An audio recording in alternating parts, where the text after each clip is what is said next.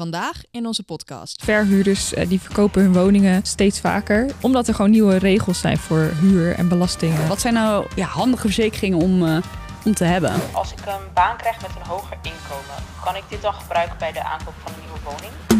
Welkom bij de Alles Over Hypotheken Show. Welkom weer bij de Alles uh, Over Hypotheken podcast. Dit keer weer met mijzelf en uh, Natasja. Welkom. Dankjewel, Meerte. We zijn er weer helemaal klaar voor. Dit keer gaan we het hebben over verzekeringen als hoofdthema. Klinkt misschien een beetje saai, maar wel heel belangrijk. Zeker weten. Dus daar gaan we het over hebben. Maar eerst gaan we natuurlijk even kijken wat er in het nieuws was. En hebben we nog een update over jouw woningverkoop. Hypotheken in het nieuws. Ja, laten we eerst beginnen met het nieuws. Ja, we houden het nog even spannend. We houden het nog even spannend, even een cliffhangertje.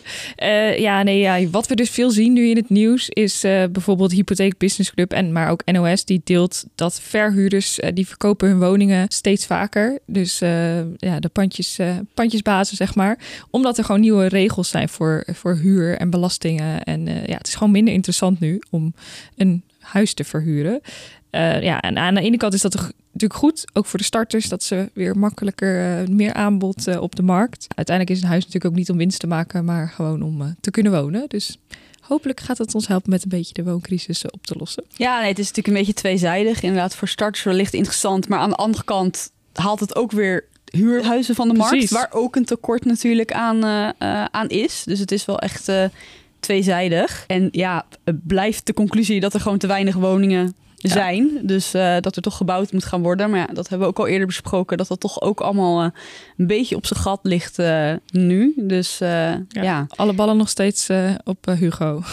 Ja, inderdaad. Nee, en ja, ik vind sommige artikelen wel soms huilende de pandjesbazen bijna. Denk je, soms is het natuurlijk ook wat, wat overdreven hoe het allemaal gesteld wordt. Als je heel veel panden hebt en je verkoopt er een paar, ook niet het eind van de wereld. Maar goed, voor sommige mensen het zijn het ook gewoon kleine beleggers. Zijn gewoon ondernemers die hun nou ja, als pensioen een pand hebben gekocht. Ja, dan kan het wel vervelend zijn met de regels zoals ze nu zijn. Die zijn inderdaad ja, een stuk strenger geworden. Ja, precies. Maar ik kan nu niet langer wachten. Hoe staat het ervoor met de verkoop van jouw woning? Nou, uh, hij is verkocht. Nou, gefeliciteerd. Ja, dus we hebben eigenlijk een week geleden uh, het geaccepteerde bod, uh, nou, mondeling akkoord bereikt. En nu vandaag om 23 uur 59 verloopt de bedenktijd. Dus Oeh, het is dus nog, nog even spannend. maar goed, hij is verkocht en, en getekend. Ja, ja, dus de koopovereenkomst is getekend. De notaris is bekend. Dus het, het, lijkt alsof er groen licht is. Nou, dat is toch mooi. Ja. En hoe lang heeft de woning, heeft hij nu Twee maanden ongeveer. Twee maanden. Ja. Nou goed, het is nog steeds ja, nog te overzien, uh, ja. zou ik zeggen. En uiteindelijk 7000 euro onder de vraagprijs na de verlaging. Dus, maar ja, uiteindelijk had ik wel ingeschat dat het daar ongeveer bij uit zou komen. Dus, ja. dus je bent nogal happy uh, ja, met de uitkomst. nou, gelukkig. Het onderwerp van deze week. Door naar het, uh, het hoofdonderwerp, verzekeringen. Uh, ja, met name natuurlijk gaan we kijken naar verzekeringen die relevant zijn voor het hebben ook van een uh, woning. Hè. Van wat is nou eigenlijk verplicht, wat is er nodig? Uh, misschien kunnen we nog wat zeggen over wat het, wat het kost. Maar één verzekering die echt nodig is hè, voor de hypotheek tegenwoordig, die eigenlijk altijd nodig is om, om te hebben. En dat is de verzekering voor de woning zelf, de woonhuisverzekering, ook wel opstalverzekering uh, genoemd. Ja, die is natuurlijk ook heel belangrijk, want het is een beetje jammer als jouw huis uh, afbrandt en je hebt nog wel een hypotheek om terug te betalen, maar niks meer om in te wonen. Ja, ook voor geldverstrekkers is dat natuurlijk iets wat uh, verplicht is. Ja. Ja, en die opstalverzekering of woonhuisverzekering, die is voor alle huizen verplicht. Maar mocht je dan een appartement kopen, dan is die wel door de VVE geregeld. Dus dan hoef je dat is wel de bedoeling in ieder geval. af te sluiten. Dus als het goed is, heeft de VVE dit geregeld. Want anders is het hele appartementencomplex de sjaak als er iets gebeurt. Ja, nee inderdaad. Dus dan hoef je hem niet zelf los uh, af te sluiten. Nee. Um, en misschien, jij hebt denk ik recente opstalverzekeringen ook afgesloten. Want, want waar moet je een beetje aan denken qua prijzen qua opstalverzekering. Het ja, het ligt heel beetje aan het huis. Ja. Dus als je een vrijstaand huis koopt, dan uh, kan is je wel duurder. Uh, of als je een huis koopt wat bijvoorbeeld van hout is. Dat is natuurlijk ook meer risico dat als het afbrandt, dat dat iets sneller gaat dan bij een huis van steen. Uh, maar ja, eigenlijk rond de 15 tot 25 euro is wel redelijk gemiddeld. Dat is inderdaad het overgrote deel ja. dat je inderdaad betaalt voor zo'n zo'n opstalverzekering. Ja. Dus dat is even wat er echt verplicht is. Verder zijn er wat verzekeringen die ja, wellicht handig zijn om te hebben als je een woning eh, eh, aankoopt. Hè. Met name als er wat gebeurt qua, qua inkomen. Eh, ja, met stip op één hè, staat eigenlijk de, de overlijdensrisicoverzekering, die ook heel vaak wordt, wordt afgesloten. Ja, wat is nou een overlijdensrisicoverzekering? Ja, eigenlijk is zo'n verzekering die keert uit bij overlijden. En eh, ja, je kan daarin dan ook nog weer heel erg spelen met hoeveel laat je dan uitkeren. Ehm, nou, wat er vaak gebeurt is dat die eh overlijdensrisicoverzekering gelinkt wordt aan de hypotheek die je open hebt staan. En hoeveel tekorten er ontstaan als er met een van de twee iets gebeurt. Je hebt bijvoorbeeld een nabestaande pensioen wat eh, vrij kan komen. Nou, soms kan je op inkomen best wel veel eh, betalen en kan je prima daar blijven wonen zonder zo'n verzekering. Maar je ziet toch dat mensen het toch wel fijn vinden om daar iets, eh, nou ja, dat iets beter te regelen dan nodig, eh, wellicht. Want ja, je wil gewoon geen financiële zorg hebben als zoiets ergens gebeurt. Wat ik bijvoorbeeld heel vaak zie, is dat mensen het fijn vinden dat het iets beter verzekerd is dan wat ze zouden moeten.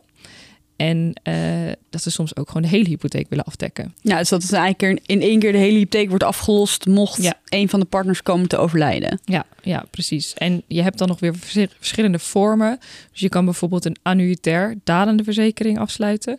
En dan daalt die mee met een annuitaire hypotheek bijvoorbeeld. Dus dan in feite elk jaar keert er iets minder uit, maar je hypotheek wordt ook elk jaar wat minder. Je Klinkt kan, eh, logisch. Ook natuurlijk een gelijkblijvende verzekering doen, dat die altijd bijvoorbeeld twee ton uitkeert. Maar ja, dan zit je wat hoger in je premie, dus dat eh, ligt ook nog aan wat je daarin eh, dan wil. Ja, en het is natuurlijk vooral als je met z'n tweeën een woning koopt. Hè, want dat eh, nou ja, we noemen een beetje impliciet. Maar als je inderdaad met z'n tweeën een woning koopt, is het natuurlijk nou, tegenwoordig bijna altijd ook op twee salarissen. Ja, dan is dat eigenlijk altijd een verstandige verzekering om te nemen. En ook een vrij goedkope verzekering. Zeker als je nog jong, en gezond bent. Ja. Als je ouder wordt, wordt dat natuurlijk lastiger.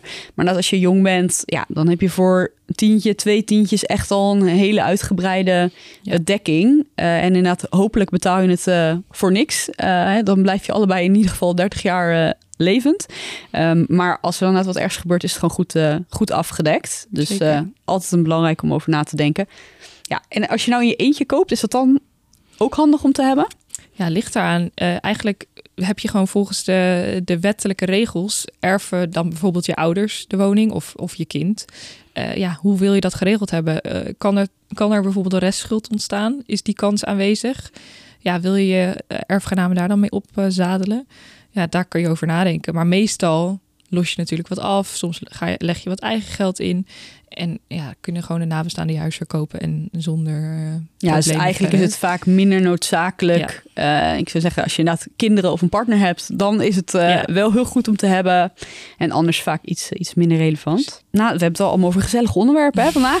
Maar naast overlijden nog een ander ja, groot risico eigenlijk, hè? arbeidsongeschiktheid. Ja, eigenlijk gebeurt dat vaker dan overlijden. Ja, toch, toch is het voor veel mensen, hè, overlijden klinkt, ja... Kan, je misschien beter iets bij voorstellen? Ja. En dat is ook wat ik, eh, en jij denk ik ook heel vaak eh, hoor. Hè, van ja, ja, maar ik kan eh, als mijn benen breek of, of als in een rolstoel beland, kan ik ook mijn werk nog doen achter een laptop. En dat kunnen wij ook. Ja. Maar ja, er zijn heel veel andere manieren waarop je natuurlijk ook arbeidsongeschikt kan raken. Hè. Dat is, Vaker is het een burn-out of iets psychisch dan iets lichamelijks. Ja. En daar staan mensen soms niet helemaal bij stil. Ehm, dus daar proberen we ze dan een beetje bewust van te maken. En eh, ja, dat is helaas kijken- een risico waar echt iedereen, wat je ook doet qua beroep, eh, mee te maken kan, eh, kan krijgen. en ook dan ga je weer kijken van, goh, wat zijn de tekorten als er iets gebeurt? En zou je dan je leven kunnen leiden zoals dat, nou, als je dat nu ook ongeveer doet? Of moet je daar echt iets voor afsluiten, omdat je anders echt in de problemen komt en je hypotheek niet meer kan betalen? Ja, want je krijgt natuurlijk, en zeker als je in loondienst bent, eh, krijg je natuurlijk vanuit de overheid krijg je ook nog wel wat qua uitkering. Mhm. Eh, soms heeft je werkgever daar nog wat voor eh, geregeld. Ehm, maar ook niet, eh, niet altijd. Maar ja, je valt natuurlijk altijd wel terug in inkomen en soms flink eh, ook. Ja, en als je dan bijvoorbeeld ondernemer bent, dan, Dan is het helemaal, een groot eh, eh, probleem. Ja, want dan krijg je echt, ja, Niemand niks. gaat meer inkomen voor je betalen. nee. Dus Nee. dan is het helemaal heel relevant om, eh, ja, om daar naar te kijken. Eh, want wat betaal je voor zo'n eh, verzekering? Ja, dat kan nog wel flink oplopen als ondernemer bijvoorbeeld. Nou, een, als, als je gewoon zelf in, in loondienst bent, dan moet je eerder denken aan eh 30, 40 euro. Ligt een beetje aan hoeveel je gaat afdekken en of je dat bijvoorbeeld 30 jaar laat lopen. Eh, mocht je ondernemer zijn, dan kan het echt in de honderden euro's eh, lopen per maand.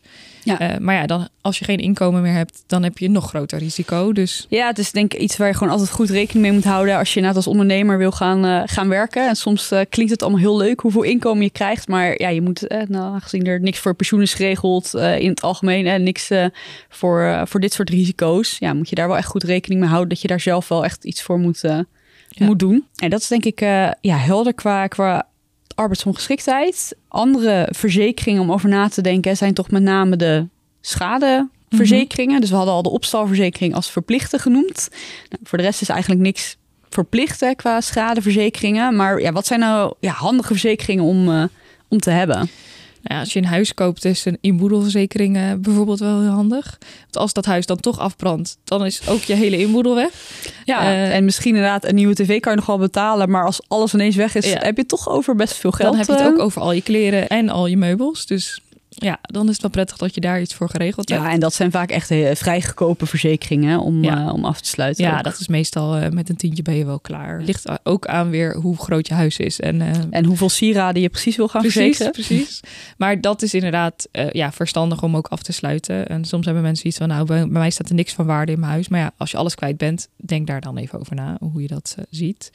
Nou ja, bijvoorbeeld aansprakelijkheid, kun je ook over nadenken. Ja, dat vind ik echt een verzekering die eigenlijk iedereen zou moeten hebben. Ja, want wat is nou een voorbeeld voor aansprakelijkheid dat je denkt, nou, daar denken mensen niet over na? Nou ja, bijvoorbeeld als ik eh, buiten straks op mijn fiets eh, stap en ik kijk even niet goed uit met oversteken en ik eh, rij jou aan. En jij maakt misschien een, een klap en kan daardoor tijdelijk niet werken of misschien wel langer niet werken. Ja, dat kan ontzettend in de kosten gaan, gaan lopen. Heb ik een miljoenenclaim aan mijn broek hangen. Ja, en dat eh, wordt vervelend om zelf te gaan eh, betalen. Maar je kan ook eh, denken bijvoorbeeld aan als jij een, een hond hebt en jouw hond loopt plotseling de straat op en iemand krijgt daardoor een, een ongeluk. Ja, ben jij ook aansprakelijk voor? Of er Ja. valt een dakpan van jouw dak af. Ook jouw aansprakelijkheid. Dus eigenlijk is die verzekering eh, wel echt aan te raden voor iedereen. Ja, en dan heb je het vaak over eh 5 euro eh, waarvoor je dat verzekert. Vaak heb je het gelukkig niet nodig. Maar ja, er kunnen echt enorme kosten aankomen. Dus zeg, dat is echt een no-nonsense verzekering die eigenlijk iedereen zou, zou moeten hebben. Ja, en als je dan bijvoorbeeld een keer een conflict hebt met eh, iets heel anders. Als je met je, je koopt bijvoorbeeld nu je nieuwe huis en je hebt zelf als koper je onderzoeksplicht gedaan. Dus bijvoorbeeld, ehm, nou, je hebt een bouwkundige keuring laten doen, maar uiteindelijk blijken, blijken er toch een beetje verborgen gebreken te zijn.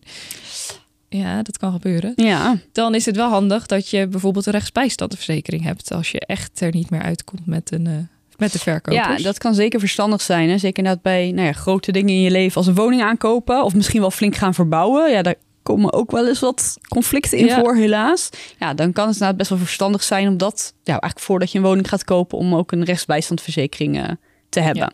En die is natuurlijk niet alleen voor wonen, maar ook gewoon voor mocht je een conflict hebben met je werkgever of eh, met iets anders, dan eh, is dat in ieder geval ook een hele belangrijke om over na te denken. Ja. En daar moet je inderdaad heel erg kiezen wat voor categorieën verzeker je. Want daar kan je ook in kiezen van wat is voor mij relevant of, eh, of niet. Ja, dus dat zijn eigenlijk, eh, ja, denk de meest belangrijke verzekeringen die we hebben besproken. En misschien nog wel even interessant om te noemen. eh, want we hadden het nou wel een beetje over kosten. Maar ja, ook wel interessant, hoe kan je nou kosten besparen op zo'n, ja, op verzekeringen? Ja, je kan bijvoorbeeld kiezen voor je hoger eigen risico. Dus je kan kiezen voor 0 euro eigen risico, maar ook voor 500 euro. Nou, als jij zoiets hebt van ik ga pas schade claimen als ik eh, 2000 euro kwijt ben of hoog of meer, ja, dan zet je dat eigen risico gewoon lekker Ja, op 500 eigenlijk als je euro. gewoon zelf een beetje goede spaarbuffer hebt... waarmee je... Nou ja, ja, als je zonnebril kapot is, eh, ja, ga je, je dat, dat gewoon kan, ja nee? eh, kan betalen, dan is dat eigenlijk altijd verstandiger om te doen. Want dan betaal je gewoon een stuk minder premie qua maand. Precies. Dus dat en zorg dat alles in één pakket loopt bij één verzekeraar.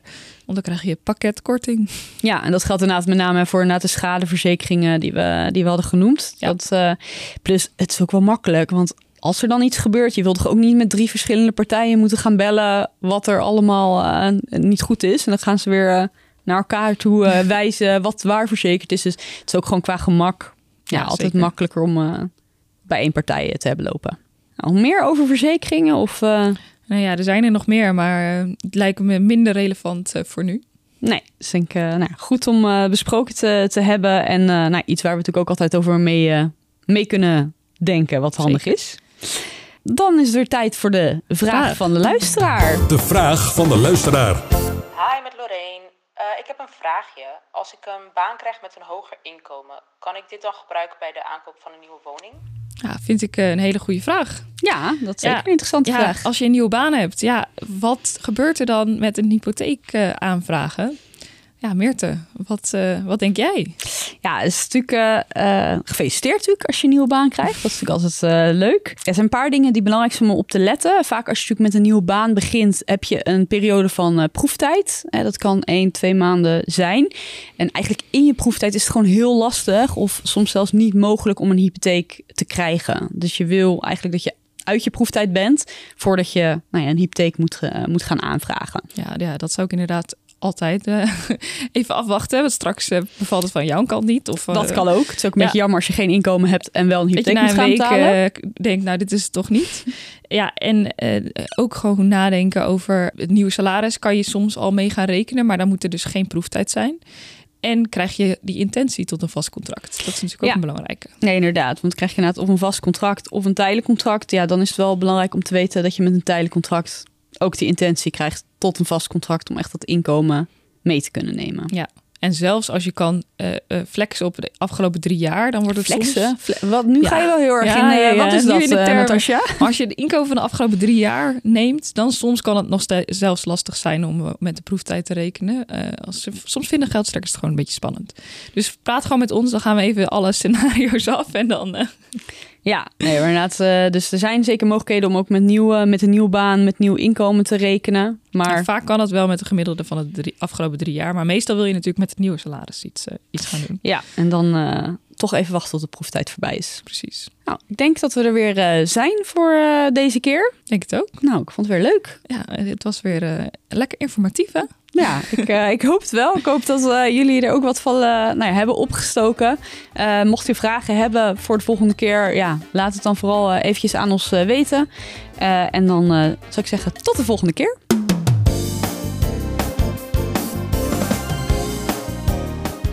Dit was de Alles Over Hypotheken Show.